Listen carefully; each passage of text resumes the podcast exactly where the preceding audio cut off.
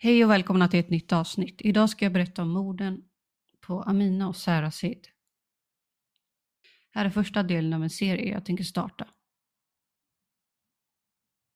Den kommer heta Förbjuden kärlek. Den kommer vara i fyra delar om när en kärleksrelation inte har varit tillåtet av familj eller andra närstående. Innan jag börjar berätta om det hemska brutala brottet vill jag först börja med att beskriva flickornas bakgrund. Deras pappa Yasser kom från Egypten och deras mamma Patricia, som också kallas Tissi. Och jag kommer välja att kalla henne Tissi under detta avsnittet. Först träffades Tissi, Yasers bror, i en mataffär. De började dejta, men deras förhållande fungerade inte. Då träffade Tissi Yasser men eftersom hon var 15 år vid tillfället så behövde han föräldrarnas tillstånd för att kunna gifta sig med henne. Och eftersom hennes föräldrar var fattiga så kunde de inte hjälpa Tissi med utbildning och hennes framtid.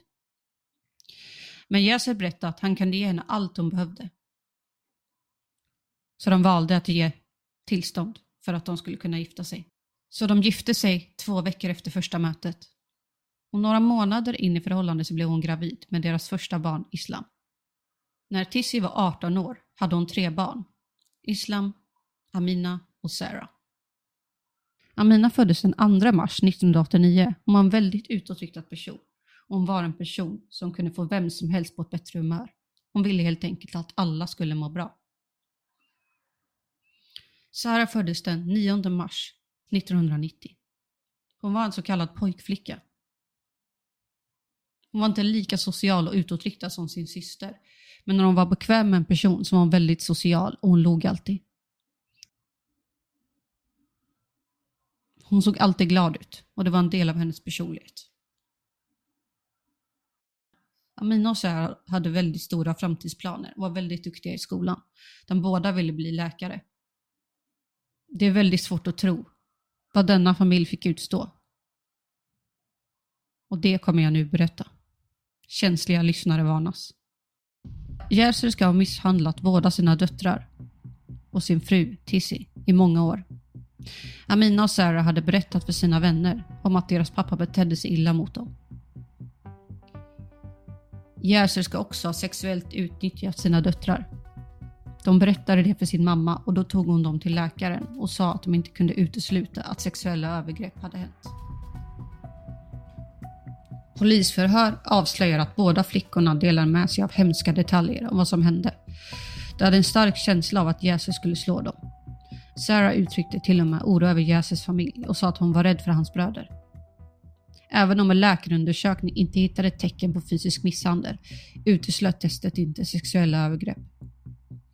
Efter att Jesus blivit ifrågasatt lade döttrarna ner anklagelserna och sa istället att de ljög för att bo hos sin mormor men deras moster avslöjade att Amina skrev ett brev till henne och vädjade om att inte vill flytta dit igen och de hade tvingats att sluta vara med i utredningen. Tissi naturligtvis förnekade breven och sa att Jäser inte skulle misshandla sina döttrar. Han spionerade ofta på dem genom att filma och via ljudinspelningar. Sarah fick ett extra jobb och Jäser började filma henne när hon var på jobbet och straffade henne för att hon log för mycket åt kunderna.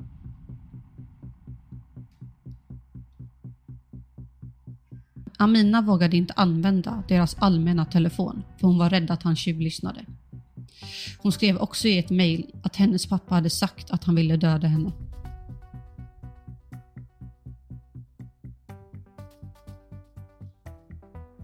När Amina var 16 år tog Yasser med henne till Egypten för att han ville att hon skulle gifta sig med en äldre vän till honom, men Amina vägrade.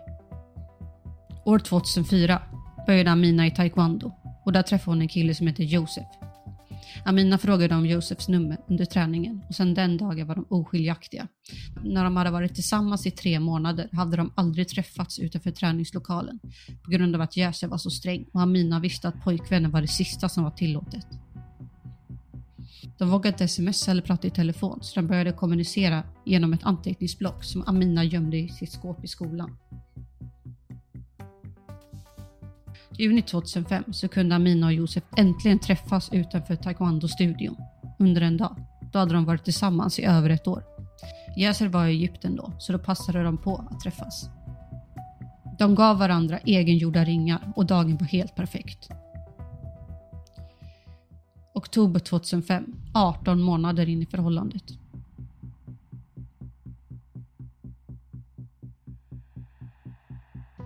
Amina råkade ta med anteckningsboken hem och Yasser hittade den. Han kan läsa. Jag är kär i dig, du är mer än bara min pojkvän. Yasser konfronterade då Amina. Då sa Amina att det var en låtsaspojkvän som bara dagdrömde. Yasser sa att han trodde på henne, men får han reda på att Josef är en riktig person så skulle han döda henne. Amina berättade för Sarah att hon var livrädd men hon hoppades på att Yasser skulle släppa det.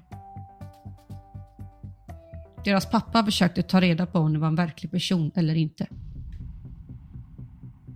Han hade lagt en dold mikrofon i Aminas bil och det gjorde att han kunde höra hela Aminas och Sarahs samtal. Så nu visste han att hon hade en pojkvän. Så han åkte till Aminas skola och bröt sig in i hennes skåp.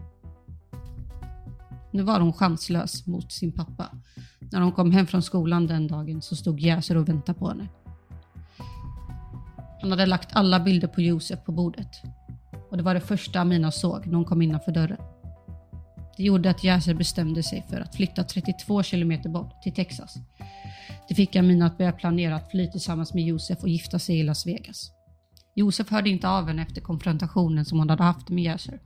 Yasser hade bytt hennes telefonnummer och hon kom inte tillbaka till skolan eller träningen. Det tog flera månader innan Josefs mamma fick ett brev från Amina. Amina berättade i detalj om vad som hade hänt den kvällen. Yasser hade blivit helt galen. Han misshandlade Amina och hon skrev också att han var ute efter Josef och han ville döda honom. Yasser slog Amina för att hon skulle berätta var Josef bodde så han skulle kunna åka och döda honom. Josefs mamma Rut bestämde att hålla dem ifrån varandra så att det inte skulle hända något. Amina ville att de skulle hitta ett sätt så hon kunde kommunicera med Josef. Några månader gick och Amina mejlade Josefs mamma och bad om att få träffa honom ännu en gång. Amina fick inte göra något längre. Hon var instängd i huset och hennes frihet var borta. Mamman kunde inte hålla i dem ifrån varandra längre. De båda hade förlorat livsgnistan utan varandra. Så efter ett år ifrån varandra så träffades de igen. Jäser åkte iväg över förmiddagen så då kunde de träffas igen. Det var en magisk dag och Josef köpte en hjältemantel till Amina och sa att det var hennes rustning som skulle skydda henne i alla lägen tills de träffades igen. Om hon saknade honom eller var rädd så skulle hon ta på sig manteln och det skulle få henne trygg. De drömde om att rymma och gifta sig, så de behövde bara vänta i sex månader tills efter Aminas student. Aminas pojkvän Josef hade slutat skolan och börjat jobba istället för han ville börja spara pengar så de kunde fly så som de ville.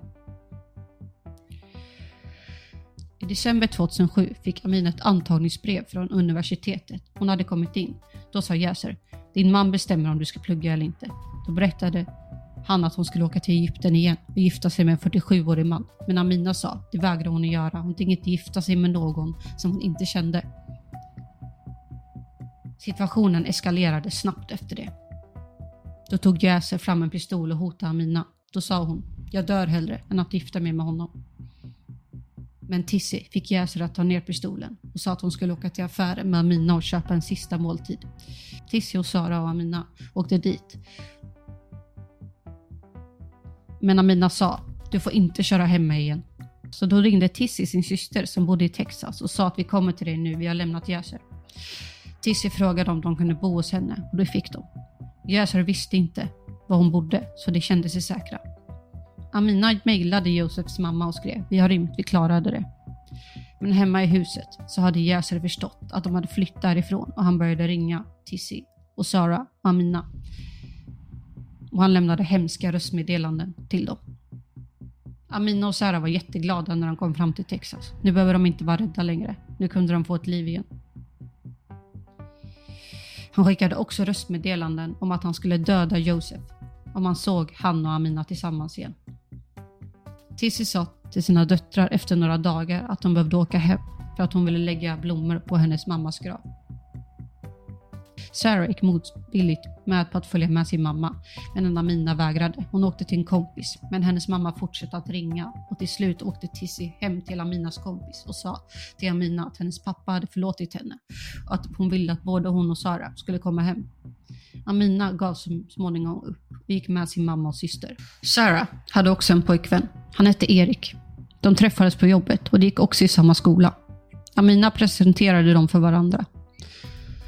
Sarah sa att de måste hålla det här förhållandet hemligt. För det var inte tillåtet för dem att ha amerikanska pojkvänner. Att Yasser var väldigt kontrollerande. Sarah var väldigt rädd för Yasser. Att han skulle få reda på förhållandet. Hon var rädd att han skulle skada Erik eller henne om det kom fram. Han beskrev Sarah som en väldigt hjälpsam person. Hon hade ett gott hjärta. De pratade om att gå på samma högskola och planerade en framtid tillsammans. Det är lite olika historier om vad som hände efter de lämnade sin pappa i december 2007. Den andra historien är att Amina hade en annan pojkvän som hette Enrik. Han sa att de dejtade från augusti 2007 till januari 2008 och att de träffades i skolan. Och att Amina var med i en tennisgrupp bara så att de skulle kunna ses. Han sa att de åkte till en lägenhet i Oklahoma den 24 december och att det var honom som Amina flydde till. Han berättade under rättegången han och Saras pojkvän Erik, Tissi, Amina och Sarah åkte först ner till mostern i Texas, men efter några dagar åkte de till Oklahoma. För de trivdes inte där. Alla fyra trodde att de skulle få ett bättre liv i Oklahoma. Den 28 december sa Enrik att Amina och Sarah åkte hem till Yasser igen. Erik sa under rättegången att han inte visste vem Josef var, samma med Henrik. 1 januari 2008 tog Yasser, Amina och Sarah till taxin och sa till dem att han ville ta med dem för att äta. Yasser sa åt Tissi att stanna hemma eftersom han ville prata med sina döttrar ensam. Han körde sedan flickorna tillbaka till Irving, Texas, där han sköt dem båda inne i bilen. Amina dog omedelbart, medan Sarah lyckades ringa 911. Hon hörde säga oh What's going on, ma'am? I'm dying, that's what's up. Irving Fire Department. Ma'am, are you still there? Ma'am, are you still there?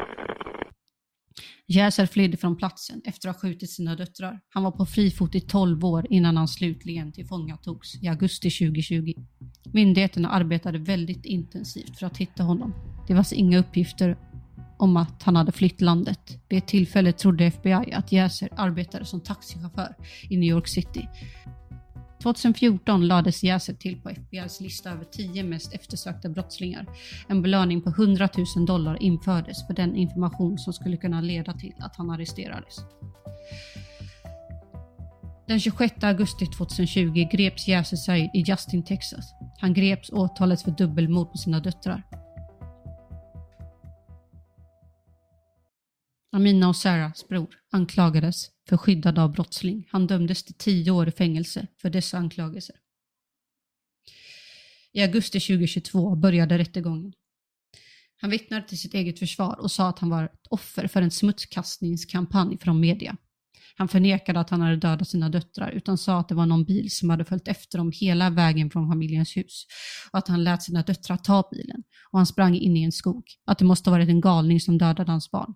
Jurymedlemmar övervägde i cirka tre timmar innan de fann honom skyldig.